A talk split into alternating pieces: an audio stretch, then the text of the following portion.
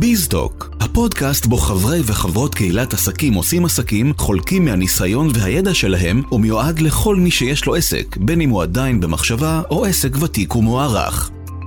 בפודקאסט אנחנו נתרכז בכל מה שדרוש לעסק קטן כגדול להצליח, וננגיש לכם את הידע הזה בצורה פרקטית ויישומית.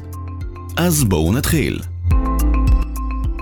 אז קודם כל נמצאת איתנו היום רחלי פיזיק, אהלן רחלי. אהלן יניב, אהלן משה, שמחה לפתוח איתכם את אה, שנת ההזדמנויות החדשה. לגמרי, ואנחנו בעוד רגע, רחלי, אה, את אה, תציגי את עצמך כדי שכל המאזינים שלנו יוכלו להכיר אותך היטב, ושלום משה. אהלן רחלי, אהלן יניב, אהבתי רחלי, שנת ההזדמנויות, זה המילה הכי, הכי כיפית שיש. לגמרי פתיח מנצח שנת ההזדמנויות. אז קודם כל, אה, לפני שנתחיל, אה, משה, אני אציג אותך. משה הוא המייסד והמנכ"ל של עסקים עושים עסקים, קהילת העסקים הכי גדולה בישראל, שמאגדת עשרות אלפי בעלי ובעלות עסקים מכל הגדלים ומכל התחומים. ואנחנו היום בפרק שיעסוק במכירות אה, לארגונים. פרק שהולך להיות מרתק, פרק עם אה, רחלי, אז קודם כל לפני שאנחנו ככה אה, נתחיל, רחלי בואי ככה שתפי אותנו מיד. טוב, אז אה, נעים מאוד, אני רחלי פיזיק, ובשבע השנים האחרונות אני מלווה גם מרצה וגם מלווה מנהלים, עסקים וחברות להתפתחות ולצמיחה במכירות. אני מגיעה לפני כן משלושה עשורים של פעילות ענפה מול אה, חברות וארגונים בעיקר, וגם עיקר הליווי שלי מתמקד בעצם ב-B2B, שהרבה פעמים בקרב העסקים הקטנים שואלים אותי מה זה בעצם B2B, אז אולי ככה ניתן איזושהי הבהרה, אז ה-B2B זה בעצם ה-Business אה, to Business, כשהמיקוד הוא באמת על אה, חברות, על ארגונים, על אה, פעילות יותר אה, נרחבת מול גופים גדולים יותר.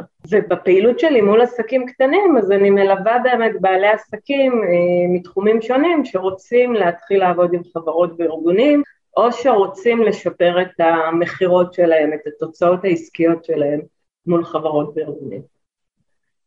טוב, אז נראה לי שיש לנו הרבה מאוד במאזינים שלנו שמאוד מאוד משתוקקים לדבר הזה. אני אציג גם רגע ככה את עצמי עבור אה, מאזינים שאולי ככה נכנסים לכאן היום בפעם הראשונה. יניב אורבך, מאמן עסקי ואישי, מומחה להעצמת אנשים, אה, עובד עם אה, ארגונים, עושה תהליכי אימון אישיים, עסקי, קריירה, אישי, הרצאות וסדנאות. ונחבר גם את המאזינים שהפרק הזה נמצא ביחידת המכירות, ואנחנו אה, ממליצים ומזמינים את כולם להקשיב גם ליחידות הקודמות שנמצאות באוויר, היחידה המרתקת שעוסקת ב networking והיחידה המרתקת שעוסקת ב mindset עם אה, שורה אה, מופלאה של מרואיינים. אז רחלי, אני באמת חושב שעבור בעלי עסקים עצמאיים, שמעניין אותם הנושא של אה, ארגונים. אה, הפרק הזה הולך להיות פרק שלדעתי יכול לייצר עבור כל אחד כזה הרבה מאוד פריצות דרך. ונראה לי שמספיק שכל אחד ייקח אה, דבר או שניים מהפרק הזה, והרבה מוטיבציה גם לעשות. אני חושב שבעולם הארגוני, מעבר ללדעת, ותכף תספרי ככה בהרחבה, צריך גם הרבה מאוד אה, מוטיבציה ואומץ והעזה כדי באמת לקום ולעשות מעבר ללדעת איך עושים את הדברים. אז בואי באמת נתחיל ככה בשאלה הראשונה. איך זה שכל כך הרבה בעלי עסקים קטנים, חולמים לעבוד עם חברות וארגונים, אבל מאידך נרתעים מלעשות את הצעד הזה.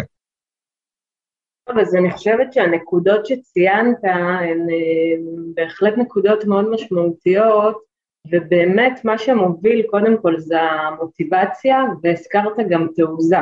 ואחת מנקודות הרתיעה הגדולות של בעלי עסקים קטנים שרוצים לעבוד עם חברות וארגונים, מתמקדת בעצם בפחד, פחד שהם לא מספיק טובים, פחד שהם קטנים לעומת הגוף הגדול, פחד שלא אה, יספרו אותם, פחד ש...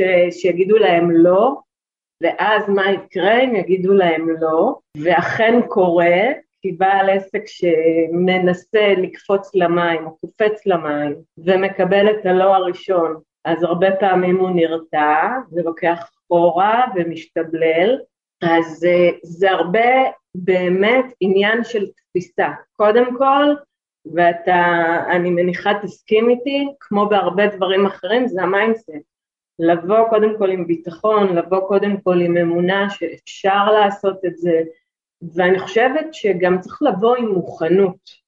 הרבה פעמים פונים אליי בעלי עסקים אה, קטנים שרוצים להרצות בחברות וארגונים, שרוצים להוביל שם מהלכים, ואחת השאלות הראשונות שאני שואלת אותם, אני רוצה לוודא מה רמת המוכנות שלהם, כי אם הם לא מגיעים מספיק מוכנים, הם לא יצליחו מול האתגרים שצפויים להם, וצפויים אתגרים. רק תסבירי לנו כשאת אומרת, כשאת שואלת את השאלה הזאת, מה רמת המוכנות, למה את מתכוונת כשאת שואלת אותם את זה? רמת המוכנות, נורא חשוב לי לדעת כמה באמת אותו בעל עסק רוצה לעבוד מול חברות וארגונים ומוכן להשקיע בזה. כי הרבה פעמים נדמה, כמו בהרבה דברים אחרים, שהנה אנחנו באים ואנחנו זורקים איזושהי מילה או איזושהי הצעה וכל הדלתות נפתחות בפנינו, וזה לא. זה דורש עבודה, וזה דורש התמדה, וזה דורש חזרתיות, וזה דורש לצאת מאזור הנוחות, וזה דורש ויתור על הפחדים, אז מוכנות. ככל שבעל העסק יותר נחוש להצליח, כל הדברים האלה יהפכו להיות שוליים בשבילו. קודם כל, אני חייב להגיד שאני אה, מאוד מאוד מתחבר למה שאת אומרת, ואני רוצה רגע אה, להוסיף רגע עוד טיפה. קודם כל, אחד, באמת כדי להיכנס, זה שקודם כל אתה צריך לבוא ולהחליט, אני רוצה, במילה האימונית הזאת, חזון. בחזון שלי אני רואה את עצמי כעסק שעובד עם אה, ארגונים, זה אחד. שתיים, חיברת את זה מאוד יפה גם ל, ליחידה ולפרקים הקודמים שהיו כאן שעוסקים ב mindset, כי אני חושב שאם יש משהו בעולם של העצמאים, שכמות הסיפורים והסרטים שרצים בראש היא הגדולה ביותר, הוא בהקשר של אה, אה, ארגונים. ובאמת, סיפורים שקשורים להאם אני ראוי, האם אני מספיק אה, מנוסה, מה פתאום שיקחו אותי, מה הסיבה שאם עכשיו אני אה, טלפון ויתקשר, מישהו בכלל ירצה אה, לפגוש אותי? מה פתאום שארגון כזה גדול שכבר כל כך מצליח ירצה את הידע ואת התוכן שלי ויהיה גם מוכן לשלם על זה, ועוד ועוד. אז באמת אני חושב שאם יש משהו, או שני דברים ראשונים, זה אחד, לקבל החלטה, אה, אני בוחר השנה לעבוד עם ארגונים, ושתיים, אני בוחר לזרוק על הנייר קודם כל את כל הסרטים שיש לי עכשיו בראש ולהתבונן עליהם. ומייצג השטח, משה חרלובסקי, רוצה... אתה יודע, אני, אני דווקא רוצה פה לשתף בחוויה האישית שלי, כי אני בעצם התחלתי הפוך, התחלתי בבניית uh, אתרים לארגונים, ואז עברתי לעסקים uh, קטנים. בזמנו הייתי בן 23-4, אה, החלטתי לצאת לדרך עצמאית, אפילו לא היה לי כרטיס ביקור אני חושב, והגעתי באמצעות נטוורקינג, הגעתי לאיזה מועצה אזורית, שאני מתחרה מול החברות הכי גדולות שיש כדי לבנות להם אה, אתר, שזה אתר מאוד מאוד גדול ומה שצריך, ואני נכנסתי, ואני נותן פה את ה... איך אני השגתי בסוף את, ה, את העבודה הזאת. זאת הייתה העבודה הראשונה שלי מול חברות וארגונים. אותה מועצה אזורית הייתה צריכה לעשות מכרז. אני שאלתי, תגידו, מה ההצעות בערך שיש לכם פה? אני כל הצעה, ההצעה הכי נמוכה, אני חותך אותה בעשר. שאלו אותי מה, אבל איך אתה יכול לעשות את זה? אמרתי להם, לי, לי אין לא משרדים, לא מזכירה, לא שום דבר. אז שאלו אותי, אבל איך אנחנו נהיה בטוחים שאתה תספק עבודה טובה? אז אמרתי שבאותה חברה שהם הולכים לקחת, בסוף יש מתכנת שזה אני. ואני כנראה יותר טוב מהמתכנת שהם הולכים uh, לזכור, כי כנראה אני גם מרוויח כפול ממנו. אז שווה להם לעבוד איתי. ואין להם שום סיכון בדבר הזה, כי בסוף גם אני וגם המתכנת באותה חברה עושים את אותה עבודה, רק ששם יהיה להם קשר ישירות למתכנת והם יוכלו להשפיע עוד יותר על זה, ולא כל דבר יתמחרו להם שם באלפי אלפי דולרים. ובאמת ככה לקחתי את העבודה הראשונה. עכשיו, אני מספר את זה לא בשביל להעצים את עצמי, אלא בשביל להסביר פה למאזינים שלנו, שלכל דבר, גם אם הוא נראה לכם הכי מפחיד, וגם אם אתם מתחרים מול החברות הכי גדולות במשק, בסוף אתם יכולים למצוא את הבידול שלכם, את זה שאתם יכולים להיכנס לאותו מקום. לי למשל היה חשוב כמה מאות דולרים שאני אקבל כל חודש בריטיינר, שיעזרו לי ויגדילו לי את התשלום החודשי שהוא מובטח לי. אתם צריכים לחשוב מה חשוב לכם לפני שאתם נכנסים לארגון, אתם צריכים להבין מה אתם הולכים לעשות בארגון, לנתח את המתחרים שלכם, אני ממש ישבתי מול החברות שהביאו להם והתחרו מולי, והסברתי להם למה בסוף אני, עדיף להם לעבוד איתי ולמה אין להם שום סיכון לעבוד איתי למרות שאין לי שום אה, ניסיון. זה ממש למכור למשקיעים את הפיץ' שלכם, לעשות להם פיץ'. ולכן אני, אני מסכים איתכם שצריך לבוא עם רקע וצריך לבוא, אבל בסוף צריך להבין מול מי אנחנו מתמודדים באותו מכרז ומה הבידול שלנו, ולהבין שבסוף מי שבוחר שם הוא לא החברה, הוא בן אדם. ואם אנחנו עובדים מול בן אדם, אין שום סיבה בעולם שאם אנחנו באים עם ביטחון ובאים עם רצון, שלא נקבל את העבודה. זה החמש סנט שלי. וואו, איזו דוגמה מצוינת. זה, קודם כל, הקדמת את המאוחר גם של אה, המשך הפרק, נתת פה כבר אה, מענה לכמה נקודות שאנחנו עוד ניגע בהן, אבל זו דוגמה מצוינת, כי גם הביטחון שלך, וגם זה שהגעת בעצם, לפי מה שאתה מספר, וידעת מול מי אתה מתמודד, וידעת מה, מה הנקודות שאתה נוגע בהן, וגם כשאתה מספר את זה, עכשיו אני רואה אותך, נילה, ובטוח בעצמך, זה האלף בית. זה האלף בית, אתה מצד שני יוצא לי לפגוש סיטואציות של אנשים סופר מקצועיים, סופר איכותיים, אבל עם אמונה נמוכה ועם חוסר ביטחון, אז זה כבר סוגר את הדלת. לגמרי, ארגונים במיוחד לא מסוגלים לסבול אנשים שהם חסרי ביטחון, צריך גם לרגע להבין מול מי אנחנו מתמודדים. נגיד אה, אה, יניב היה מנהל המכירות הארצי שלי, אז שהוא היה רוצה להביא עכשיו הדרכה לחבר'ה שלו, או, או איזה יועץ כלשהו, הוא היה צריך להיות uh, עם סופר ביטחון, כי אם יניב היה מביא מישהו שהוא לא טוב, זה היה משפיע לא על האנשים שלו, זה היה משפיע על יניב. אוקיי, היו באים בטענות ליניב, נכון יניב? וזה משהו שאנחנו צריכים להבין, שאותו בעל תפקיד שנמצא מולנו, בעצם זה כמו, הוא, הוא עכשיו הולך להיות הממליץ עליכם, אוקיי, הוא לוקח את האחריות עליו, ולכן אנחנו צריכים להיות שם, שהוא יהיה בטוח במאה אחוז, שהוא הוא, הוא עושה את ההחלטה הנכונה. אני רוצה לחדד עוד משהו קטן, אנחנו ניגע בזה קצת יותר לעומק בהמשך, אבל ב- ביחס למה שאמרת עכשיו, שזו נקודה מאוד חשובה, אז הרבה פעמים הבחירה של נציג הארגון היא על סמך זה שבאמת הוא מרגיש שאותו בעל עסק, אותו בעצם מי שרוצה לבוא, אותו מרצה או אותו אה, נותן שירות, הוא נמצא שם, הוא נוכח, הוא יודע להוביל את הסיטואציה. אז אנחנו נדבר על זה קצת יותר בהרחבה, אבל הבחירה הרבה פעמים נגזרת בדיוק מהמקומות האלה. פחות מעניין עד כמה אתה יותר טוב, או עד כמה אתה יותר גדול או יותר קטן, בדיוק מה שסיפרת קודם, אלא באמת לדעת שאתה יכול להתוות לי את הדרך בתור מי שצריכה בעצם להמליץ עליך לארגון, לקבל אותך לארגון, אז מאוד מאוד מאוד חשוב. אז אנחנו יכולים להתקדם לשאלה הבאה. רחלי, מה, מה שלושת הדברים המהותיים שבעל עסק קטן חייב לקחת בחשבון בעבודה מול חברות וארגונים? אז זה באמת מחזיר אותנו ככה, אני חושבת שמשה נתן לנו ככה פה אה, בריף כבר לכל ה... לשיחה כולה, אבל אנחנו ככה יותר אה, נמקד את זה.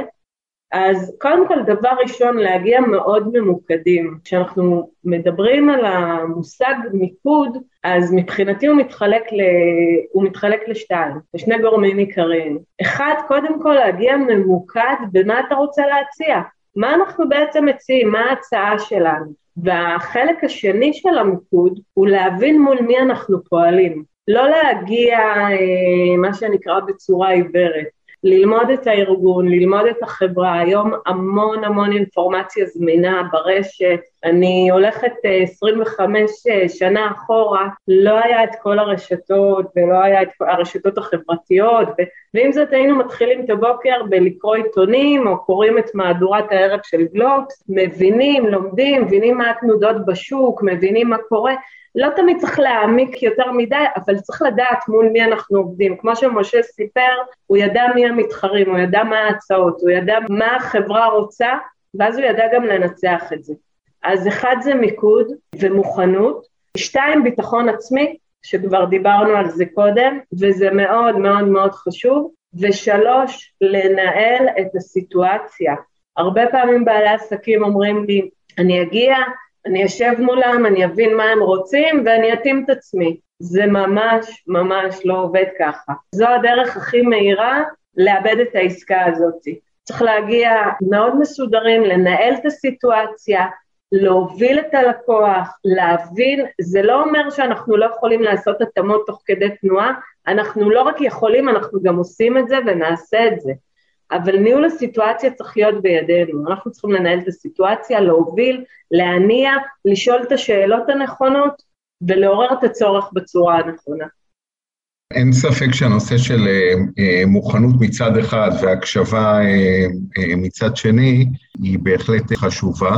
אני גם הייתי אה, ככה אה, מוסיף עוד משהו, אה, וגם נגעת בו, וזה הנושא של הבנת הפסיכולוגיה של המרחב. כלומר, אחד, להבין מי מקבל החלטה, להיות שאתה נמצא עכשיו עם אה, מנהלת משאבי אנוש, אבל מי שמקבל את ההחלטה זה המנכ"ל, ולהבין מה, מה האינטרס של המנהלת משאבי אנוש. כי יכול מאוד להיות שאתה כרגע מביא את הדבר הכי מדהים בעולם, אבל סתם דוגמה, נגיד, הוא דומה לדברים אחרים שכבר היו, והוא הוא אתגר אותה מאוד אה, אה, לייצר אה, גיוון והעשרה בתכנים שמביאים לארגונים, והיא אומרת לעצמה בראש, אם אני עכשיו אביא את זה למנכ"ל, וזה יהיה לו דומה למשהו שהבאנו אותו בכנס בפעם הקודמת, אז הוא יגיד, עזבי, זה פחות או יותר אותו דבר, ואז ערכה יורד. להבין גם את, ה, את הפסיכולוגיה של מה חשוב באמת לאותו אדם שאתה פוגש, וגם ככה אה, לעשות ככה את ההובלה למענה לצורך שלו, שזה כאילו צורך אה, אישי והמניע האישי שלו, שהוא מעבר לתוכן שאתה באמת אה, מביא למרחב הארגוני. נקודה סופר מהותית, קודם כל כשבעל עסק ניגש והוא לא באמת מגיע מתוך חברות וארגונים והוא פחות uh, מכיר את השפה וכולי, אז אני ממש אתן דוגמה, למשל אם uh, בעל עסק מסוים רוצה למכור uh, תוכניות של תזונה נכונה, כדוגמה, אוקיי? הוא הולך בכוונות שלו ובשיח שלו אל הצרכן הסופי מה שנקרא, אל העובד, אבל בעל האינטרס פה הוא בעל החברה. בסוף יש את הנציג שאנחנו עובדים מולו, לצורך העניין אם זו מנהלת משה, או אה, מנהלת, אה, לא יודעת, יש היום אה, כל מיני שמות, מנהלת עושר, מנהל עושר, רווחת העובד, כל מיני כאלה, תלוי בתחום. בסוף צריך להיות מישהו שמאשר את זה, שזה בדרך כלל לפעמים זה אישור מנכ"ל, לפעמים זה אישור מנהל כספים, תלוי בחברה. ואנחנו צריכים לדעת לתת לאותה פונקציה שאנחנו מתנהלים מולה את הכלים להעביר נכון את המסר ולהעביר נכון את אינטרס החברה, לא את אינטרס העובד, כי עם כל הכבוד לזה שבחברות וארגונים שוכרים המון הפעלות ופעילויות אה, לרווחת העובד או לפיתוח העובד, בסוף זה אמור לענות על צורך של החברה. ואם אנחנו לא נמקד לשם, אנחנו ניעצר אה, בשלבים די מוקדמים. רחלי, אני חייב לומר לך עכשיו, אני אספר לך, אני רוצה לספר על כישלון מפואר דווקא, בסדר? אני, בתקופת הקורונה פיתחנו משהו וחשבנו שיכולים לקחת אותו לעיריות. ובאמת בניתי את מערכת האינטרסים של העירייה, של התושבים, והדבר היחיד ששכחתי זה את האינטרס של העובד בסוף, שהוא מנהל את, ה, את הסיפור הזה. ולא הבנתי למה זה נעצר, זה היה נשמע ווין ווין ווין לכולם, ווין לתושב, ווין לעירייה. ובסוף העובד אומר לי, תשמע, אני אגיד לך, אחי, אני, אני אומר את זה כי אני מרגיש אותך מספיק חופשי, אבל אתה הולך לגמור לי את העבודה, אני לא הולך לשים את זה בחיים. הולכים לפטר אותי אחרי שאתה שם את המערכת הזאת, אז תשכח מזה, אני מציע לך, ואני מציע לך לחשוב איך, איך אתה לא גורם לפיטורים שלי. אז uh, תחזור אליי כשזה יקרה. וזה מדהים, כי, כי לפעמים אנחנו לא חושבים על זה, זה משהו שממש לא עלה לי בראש לפני, אני דווקא חשבתי שהוא ישמח שאני מייעל לו את העבודה. אז זה, זה משהו שגם אה, צריך לחשוב עליו. זה כל כך חשובה, כל כך כל כך חשובה, וזה קורה כל הזמן, וזה באמת משהו שמאוד אה, חשוב אה, לקחת בחשבון. ואחת הטכניקות שאני בדרך כלל מלמדת בהרצאות שלי, בסדנאות שלי, וגם כשאני עובדת אה, עם בעלי עסקים אחד על אחד, אל תבואו עם סימני קריאה, אל תבואו מהמקום שבא ונותן את הנתונים אה, בצורה סגורה. כל דבר שאפשר להגיד בסימן קריאה, אפשר לומר גם עם סימן שאלה, לשאול אותו. ואז אנחנו כל הזמן ב control, אנחנו מבינים כל הזמן איפה אנחנו עומדים, איפה משהו ככה עומד להשתבש, למשל הדוגמה שנתת, ואז אנחנו יכולים גם להבין מה משתבש שם, ועוד פעם, אני חוזרת למה שאמרנו קודם, לנהל את הסיטואציה בהתאם. אז נורא נורא חשוב. אוקיי, okay, אז מה, מה הקושי הכי משמעותי שרחלי, שאת פוגשת בקרב בעלי עסקים קטנים שמתחילים לעבוד מול חברות וארגונים? אז uh, הנקודה המרכזית, איך לא, אם אנחנו מתחברים לשאלה הראשונה ולפחד ולחשש, אז הנקודה המרכזית היא יצירת הקשר הראשוני. היא פתיחת uh, הדלת, היא הובלה להקשבה, ושם יש קושי מאוד מאוד מאוד מהותי ומשמעותי, גם הרבה מאוד בעלי עסקים נעזרים למשל, לומדים איך להשתמש בלינקדאין, שזה מצוין. זו אחלה דרך אה, ללמוד למשל את הנפשות הפועלות בארגון, להבין מי נמצא שם, ואפילו גם ליצור את הקשר הראשון. ועדיין צריך, אפילו שאנחנו נמצאים מאחורי מסך שכביכול מגונן עלינו, עדיין אנחנו צריכים לדעת להגיד את הדבר הנכון וגם להיות אקטיביים. הרבה פעמים בעלי עסקים מקווים מאוד לכתוב איזשהו פוסט או לתת ככה איזשהו טיזר, והציפייה היא שכולם עכשיו ירוצו אחריהם ויתחילו להתעניין ויתחילו לשאול, ומה לעשות שזה לא עובד ככה. אז באמת הקושי, הפחד המהותי הוא איך אני יוצר את הקשר. זה משהו שצריך ללמוד אותו, זה משהו שאפשר ללמוד אותו, אבל אם אני צריכה לתת ככה איזשהו טיפ, אז אני הקשבתי לפרק שראיינת את אה, משה על נטוורקינג, ומשה אמר שם משהו שאני מאוד מתחברת אליו ומשתמשת בו תמיד, גם בהדרכות שלי, והוא מאוד אה, נכון ודומה בעיניי. תתקשרו, תדברו, לא, זאת אומרת, לא לבוא מהמקום שעכשיו חושב איך אני מנהל עסקה, איך אני עכשיו מוכר, אלא לבוא ולדבר בין אדם לבין אדם, לנהל שיחה, ליצור קשר, להבין מי נמצא מולנו, אה, לייצר שיח. ומשם, קודם כל, קודם כל אנחנו צריכים לייצר איזשהו קשר ראשוני, קודם כל אנחנו צריכים לייצר חיבור, קודם כל אנחנו צריכים לייצר אינטראקציה ברמה האנושית. אחרי זה, משם אנחנו נוכל להתחיל לפתח את זה. רחלי, אבל בואי רגע, כי התחלת ככה, ולדעתי זה ככה מאוד מעניין את המאזינים, זרקת ככה את המונח לינקדין, זרקת ככה את החיבור באמת אה, לפרק של ה networking. עכשיו יושבים אנשים אה, בבית אה, ואומרים, אוקיי, אז בחרנו השנה להיכנס לארגונים, אז תני ככה איזה כמה באמת אה, כותרות או פעולות או מרחבים שאת אומרת להם, כדי להיכנס לארגונים, נכון כבר שמחר בבוקר תתחילו לעשות את הפעולות או הפניות האלה והאלה. קודם כל, אפשר כמובן, וזה מקום מאוד נכון וטוב אה, לפעול ממנו, הלינקדין. הלינקדין אה, מהווה היום מקור אינפורמציה מאוד חזק, אנחנו יכולים לראות בלינקדאין כשאנחנו נכנסים לחברה מסוימת, אנחנו יכולים לראות ממש מי עובד שם, מה התפקיד של כל אחד, אנחנו יכולים קצת ללמוד עליו, אפשר לעשות מעבר חד אל הפייסבוק, או אפשר לעשות גוגל, לראות מי הפונקציה שאנחנו צריכים, ללמוד עליה קצת יותר, להכיר אותה, וזה מתחבר למה שאמרנו קודם, לסעיף הקודם, ללמוד מול מי אנחנו מתנהלים. אה, אופציה נוספת, שהרבה בעלי עסקים רוצים לברוח ממנה, אבל היא בלתי ניתנת אה, לבריחה, מה שנקרא.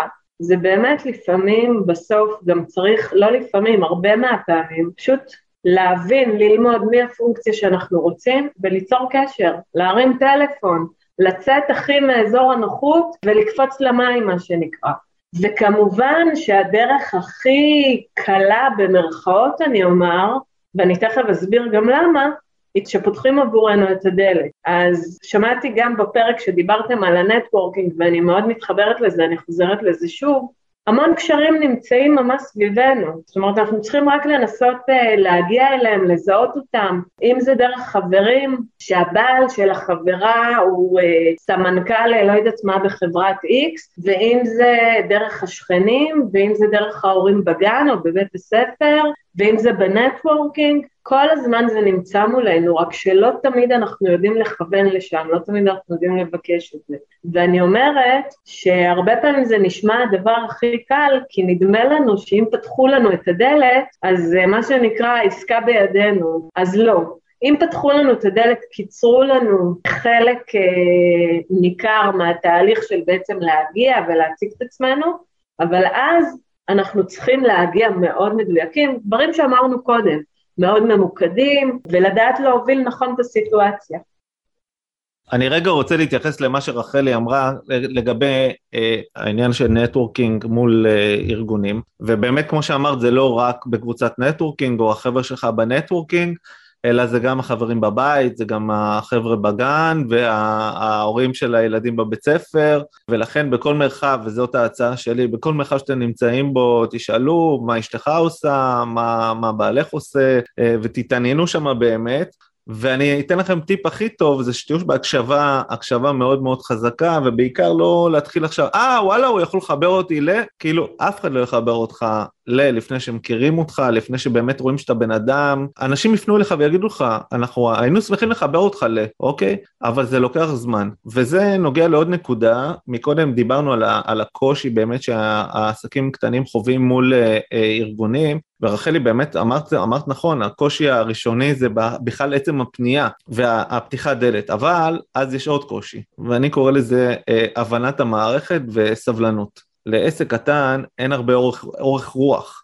מסיבות מאוד מאוד מובנות, כמו uh, תזרים מאוד מאוד קצר, או שפשוט אין לו סבלנות לחכות לתהליכים שיסתיימו. אני, עוד פעם, נמצא פה יניב, שהוא עובד מול מערכת החינוך, ואני זוכר את, ה, את הטירוף שהעבירו אותו השנה, למלא טפסים, ופתאום זה נסגר דקה לפני, ו, ו, טירוף. עכשיו, זה מערכות שעובדות ואין לנו שום דרך לשנות אותן. הדבר היחיד שאנחנו יכולים לעשות זה להתאים את עצמנו למערכת ולהבין איך אנחנו יכולים לקצר תהליכים, אבל לא בצורה אגרסיבית, כי הם לא אוהבים צורה אגרסיבית, ושם אנחנו צריכים להתאזר רגע בסבלנות, באורך רוח, ולכן אני ממליץ, דרך אגב, שהתמיל בכל עסק גם אם הוא פונה לארגונים, שיהיה תמיל ארגונים, אה, שיהיה תמיל גם שפונה ל, ל, לסקטורים, לפרסונות אחרות, ולא רק לארגונים, מכיוון שזה לוקח הרבה זמן, וגם לא לבנות על ארגון אחד. זאת אומרת, לא שברגע שמורידים לך את השלטר, אתה נגמר לך העסק.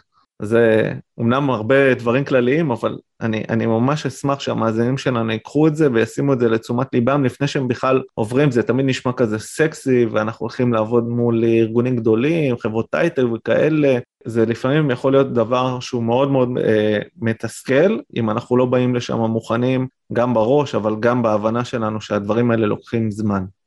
לא יודעת, או שאתה קורא את המחשבות שלי, או שלא יודעת, אתה מקדים את המאוחר, אז באמת, נקודה מאוד מאוד חשובה, התמדה ואורך רוח, וצריך גם סבלנות, וכמו שאמרת, להתאים את עצמנו כמה שאפשר לסיטואציה. העליתי לפני, אני, אני מדי פעם ככה בפייסבוק שלי, מעוררת איזשהו דיון כזה.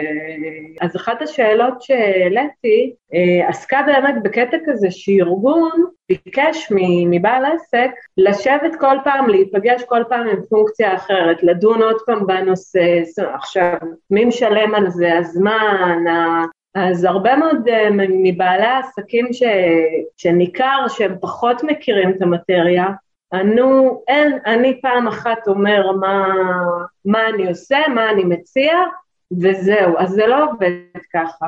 יש לנו, הם מבקשים אה, מדי פעם לשבת בפורום הזה, ואחרי זה הם רוצים להוסיף עוד מישהו, וכמובן שתלוי בגודל ההצעה, וכמובן שתלוי מה אנחנו מציעים. אי אפשר לענות, נורא קשה ככה להיכנס לזה על רגל אחת, אבל בגדול, בגדול אני כן רוצה להתכנס לנקודה שציינת, להיות עם אורך רוח, להפעיל שיקול דעת. בעל עסק לא אמור להפסיד ולא אמור לתת מזמנו בלי סוף, אבל כן להיות באורך רוח, כן להפעיל שיקול דעת, כן להתמיד, וכשאני מחזירה את זה לניהול הסיטואציה, אז גם לא עוד נקודה מאוד חשובה, אוקיי, אמרתי, הסברתי, עכשיו אני מחכה שיחזרו אליי. אז כשאני מדברת על ניהול הסיטואציה, לא לחכות שיחזרו אליך.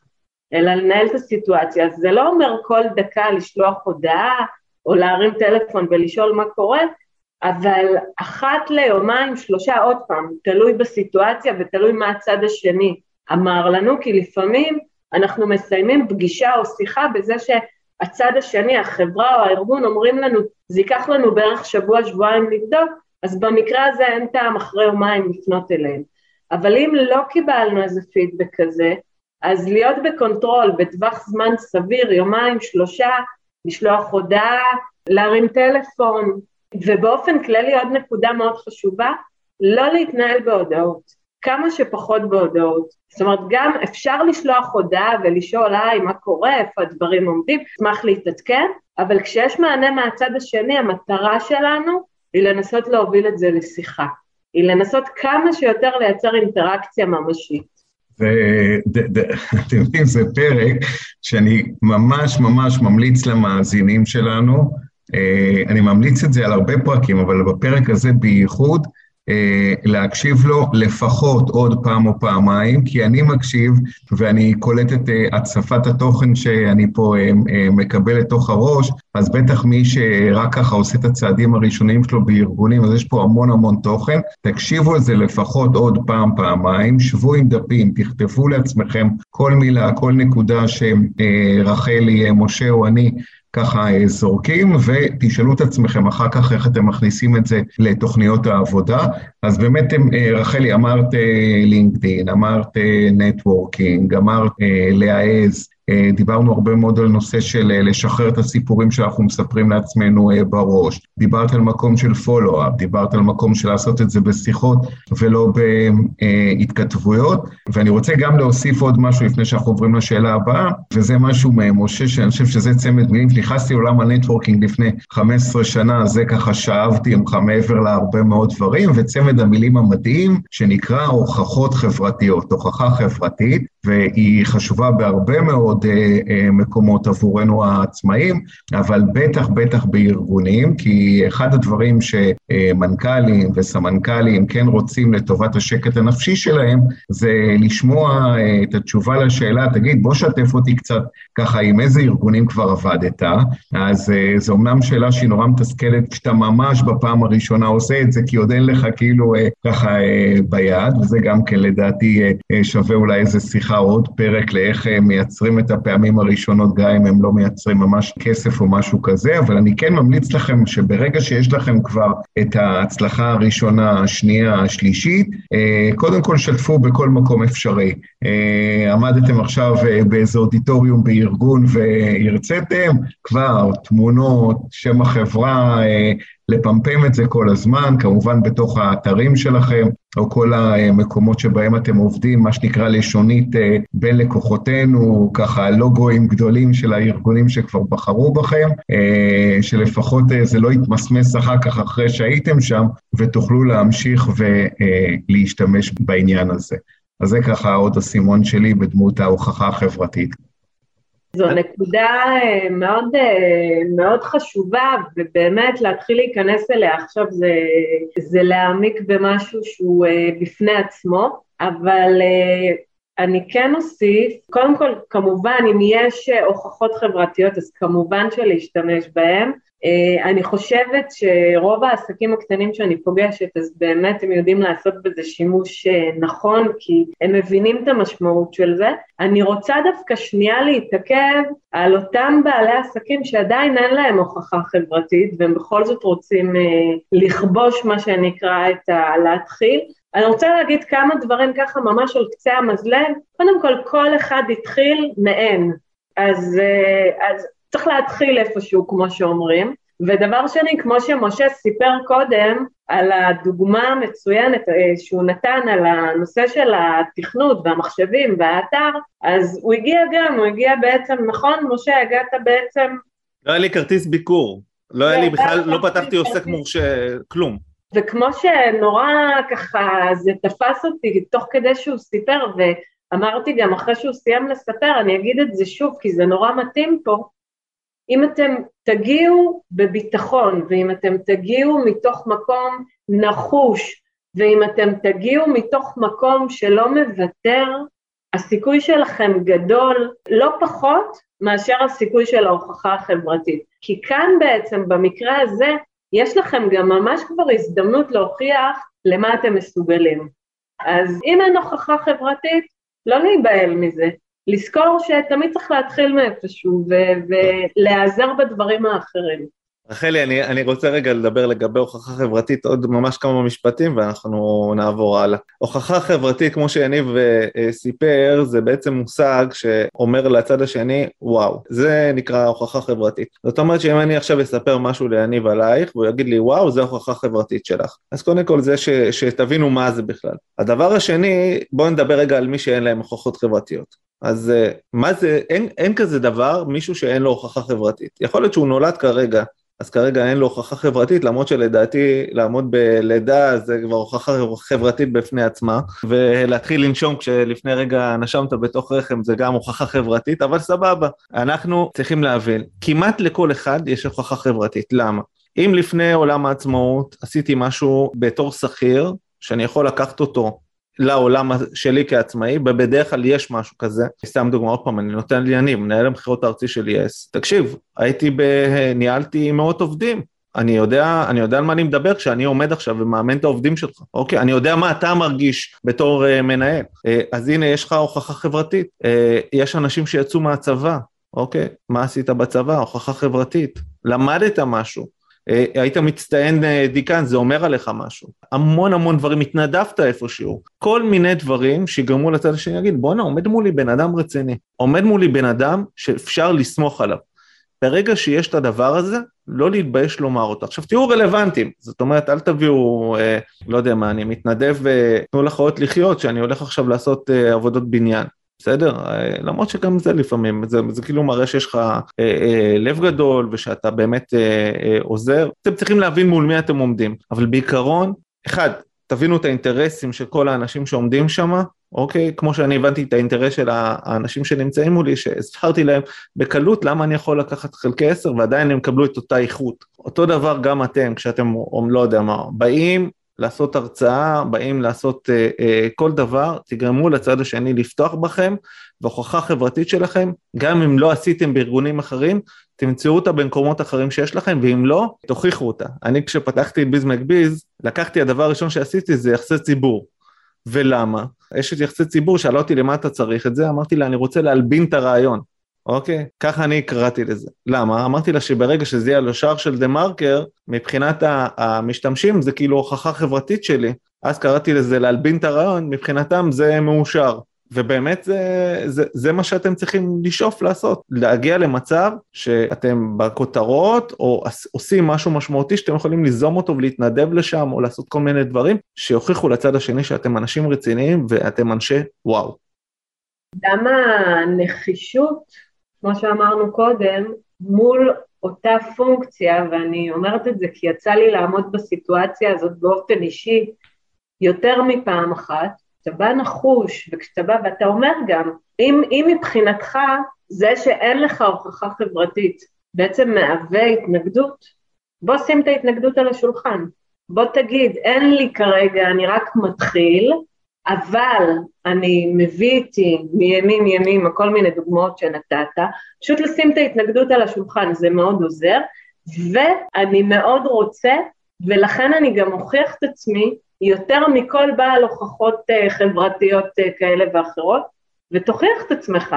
זה תמיד קונה את הצד השני, זה תמיד פותח mm-hmm. דלתות. ודבר נוסף שאני רוצה לציין בהקשר הזה, הרבה פעמים יש את התרמית של המוח. המוח, ה mind, מספר לנו כל מיני, נתפס על כל מיני דברים כאלה, ומספר לנו למה לא, כי. אני רוצה לספר על זה ככה בכמה מילים, מנכ"ל שהגיע מתפקידים אה, בחברות אה, גדולות, ומנכ"ל חברה גדולה, החליט יום אחד לצאת לעצמאות, ואחרי כמה חודשים ב, ב, בעיסוק העצמאי, הוא הגיע אליי דרך uh, המלצה של מכר משותף, ומה שהסתבר, שהוא אחרי כל מה שהוא עשה, והוא באמת יצר המון הישגים בהתנהלות המקצועית שלו. המוח סיפר לו שהוא חדש מדי, שהוא אה, צעיר מדי בתחום, ולפעמים המוח פשוט מייצר איזושהי תרמית ועוזר אם אנחנו ככה מקבלים איזשהו פידבק, מבקשים פידבק ממישהו שקרוב אלינו, ממישהו שככה יכול להעיר אותנו לפעמים, כי הרי בהקשר של מה שאמרת, משה, להביא את זה ממקומות אחרים, שאלתי אותו, הניסיון שלך, כל כך הרבה שנות ניסיון, זו לא הוכחה חברתית? ורק אז נפל האסימון למשהו שכביכול הוא מאוד טריוויאלי, אבל התרמית של המוח לא אפשרה לו לראות את זה בעצמו. איזה, את יודעת, את זורקת אותי גם כן, היום, אה, משה, אני נזרק הרבה, 15 שנה אחורה, אני נזרק לאחד על אחד, לדעתי בין הראשונים שעשיתי בביז, עשיתי אותו אז עם איזה יועצת עסקית, ואני לא אשכח שממש בתחילת הדרך הייתי יושב באחד על אחדים, והייתי כאילו מתאר את החיים שלי כאיזה ציר, שהייתי אומר, עד היום מה שעשיתי זה ככה וככה, מהיום מה שאני עושה, אז כאילו עד היום זה היה מפואר, אבל מהיום אני תינוק שרק נולד, ואני לא אשכח שהיא באה ואמרה לי, תפסיק את ה... מהיום עד היום, כל הדבר הזה, כל ציר החיים שלך זה אתה, ואתה פשוט עכשיו ממשיך לעבוד עם אנשים, רק במקום בארגונים. אתה עושה את זה בעסק האימוני שלך, וזה באמת כאילו על פניו ניואנס שהוא כל כך קטן, ואתה עכשיו בדיוק דיברת עליו, וזה... וכל מי שעכשיו מאזין לנו, ובמקרה עד היום עשה כל הזמן, עד היום ומהיום, וכאילו גימד את, ה, את הידע והניסיון שלו, אז, ו, ואם את זה, מה שנקרא, עכשיו לקחתם, וכל השיח השתנה, אז כבר את שלנו עשינו. עשינו את שלנו, כן. תגידי רחלי, בואי רגע אה, נשאל שאלה אחת, אה, אין לנו עוד המון המון זמן, אבל אי אפשר אה, שלא לדבר על הסרט שכשאנשים מגיעים לארגונים, רץ להם נושא התשלומים, ואני עסק קטן, ואין לי יותר מדי חמצן, ושמעתי שבתשלומים, בארגונים משלמים שוטף 90 ו, וכאלה, למרות שלדעתי היום המחוקק כבר קצת ככה יותר רואה אותנו. אז אה, איך באמת מונעים סחבת בתשלומים מצד ארגון או חברה שקיבלו שירות מבעל עסק קטן? טוב, אז גם כאן, כמו ביתר הדברים, זה מי מנהל את הסיטואציה, וזה גם מחזיר אותנו לביטחון, וזה גם מחזיר אותנו אה, ללקחת את המושכות לידיים, והרבה פעמים בעלי עסקים אומרים לי, אבל, אבל אני אומר לך, זו עירייה, יש להם מערכת תשלומים שיודעת להוציא תשלומים רק פעם בחודשיים, ואני אומרת, ובאמת לא, לא, לא בכוונה להשתחצן חלילה או לא יודעת מה, אני חיה את העולמות האלה הרבה מאוד זמן. ונכון שתמיד הסיפור, יש לנו מערכת, או מוציאים אצלנו צ'קים רק פעם ב... זה לא נכון. זה לא נכון, 30 סימני קריאה. אוקיי? זה נורא תלוי באיזה וייב אנחנו מגיעים, כמה ביטחון אנחנו מפגינים ואיך אנחנו מנהלים את הסיטואציה. אז בעניין התשלומים, אנחנו לא צריכים להיכנס לזה עד שלא באמת יצרנו רצון מצד החברה לסחור את שירותנו. זאת אומרת, זה השלב הסופי, אוקיי? קודם כל ליצור את הרצון, קודם כל שהם יבינו את הערך, קודם כל שהם ירצו לה, אה, שנעבוד יחד, קודם כל אנחנו מתמקדים בזה. אחרי שהתמקדנו בזה, ורגע לפני שעברנו לביצוע, מגיע השלב שאנחנו מכתיבים את תנאי התשלום.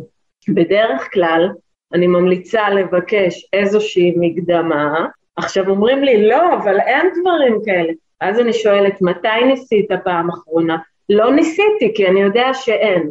אז יש דברים כאלה, ואם עובדים נכון ועושים את סדר הפעולות נכון, וקודם כל מתמקדים בלה, בלהעביר את הערך ולייצר את הצורך, ו, ובעצם ליצור את מימוש העסקה, בלי להיכנס לתנאי התשלום, אז יגיע גם השלב הזה.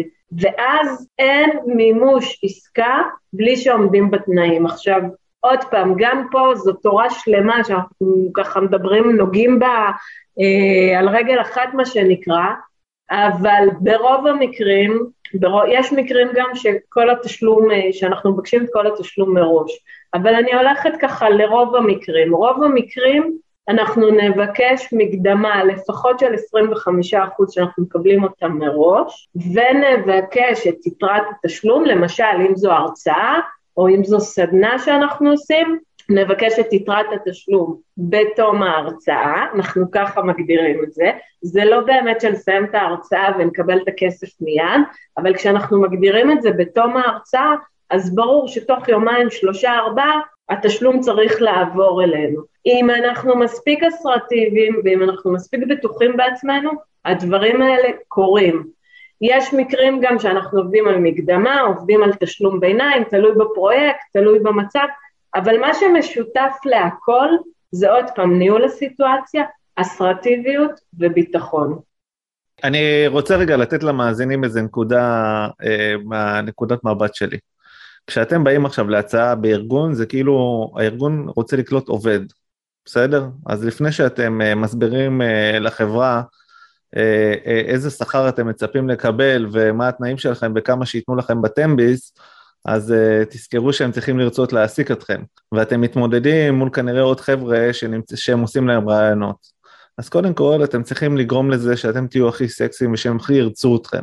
אחרי זה, אתם צריכים uh, עדיין להיות uh, ריאליים. זאת אומרת, אם עובד שאמור להרוויח עשרת אלפים שקל, פתאום יבקש מהם עשרים אלף שקלים, אז הם יגידו, טוב, תקשיב, כנראה אתה יקר מדי, ואנחנו ניקח את העובד של עשרת אלפים שקלים. אז תהיו גם uh, שבויים בקטע הזה, כי חברה וארגון זה לא כלי למשאבת כסף, זה כלי שבעצם מאפשר לכם לעשות עסקאות כנראה הרבה יותר גדולות מאשר עם uh, uh, מקומות אחרים. דבר שני, אה, אה, אתם צריכים להבין, אם אתם תהיו מספיק סקסיים, אז גם אם אתם תבקשו בתור עובד במקום אלף שקלים חמש מאות שקלים בטנביס, כנראה שיתפשרו איתכם על הדבר הזה. אז כמו שרחלי אמרה, קודם כל תדאגו שירצו אתכם מספיק ושאתם תגרמו לארגון להבין שתנאי התשלום זה לא מה שיעמוד שם כדי שלא ייקחו אתכם או כן ייקחו אתכם. אם זה מה שעומד אגב בדרך שלכם, כנראה שלא מכרתם את עצמכם מספיק טוב. אם בגלל זה לא בחרו אתכם, אתם לא מביאים שם מספיק value ותחשבו מה עשיתם את הטעות בדרך, תיקחו את זה, כי, כי מעולם תנאי תשלום לא היוו בעיה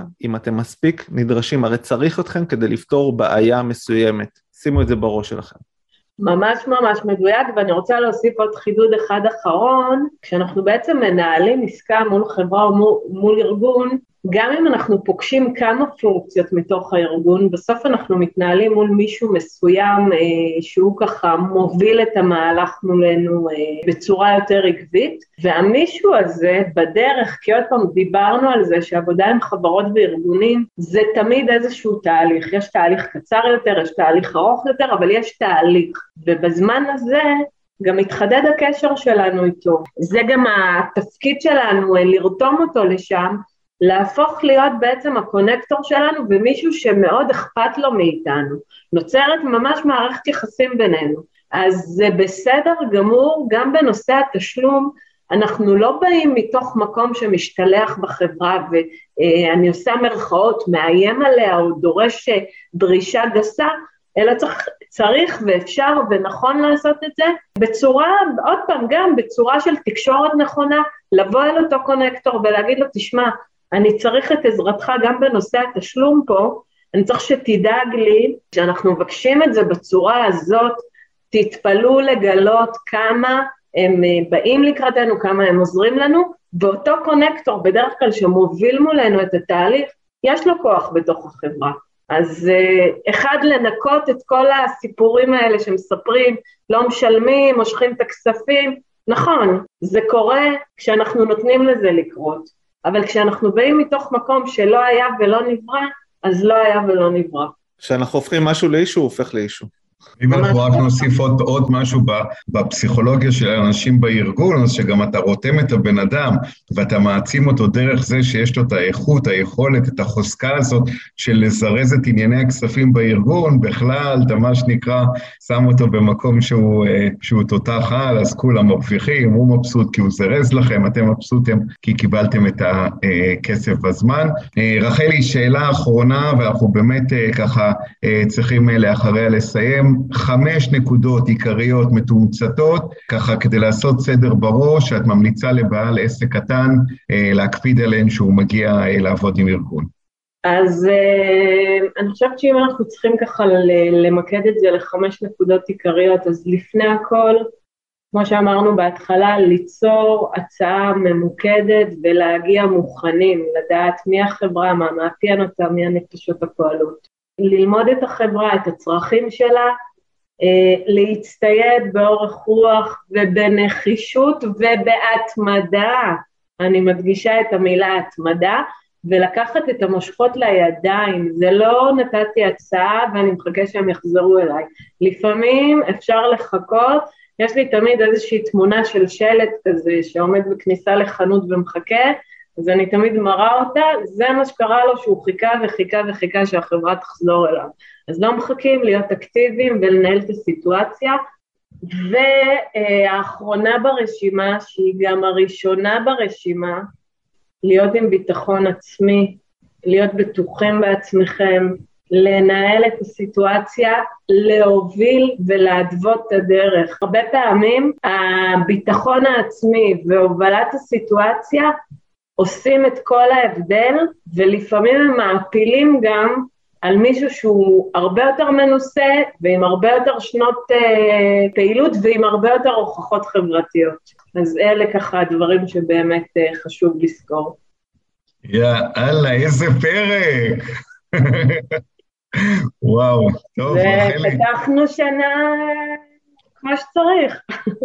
רחלי, תקשיבי, נראה לי, קודם כל לדעתי אה, זה אחד הפרקים הארוכים שהיו לנו מתוך הפרקים, אבל כאילו מסוג הפרקים שהם ארוכים, ו- וכל אה, מילה, כל דקה, כל משפט לשתול בצמא, ואני חוזר שוב על ההמלצה שלי, להקשיב לפרק הזה לפחות עוד בין פעם לפעמיים, אם לכתוב, אם לשאול את עצמכם מה אתם הולכים לעשות עם כל uh, תובנה.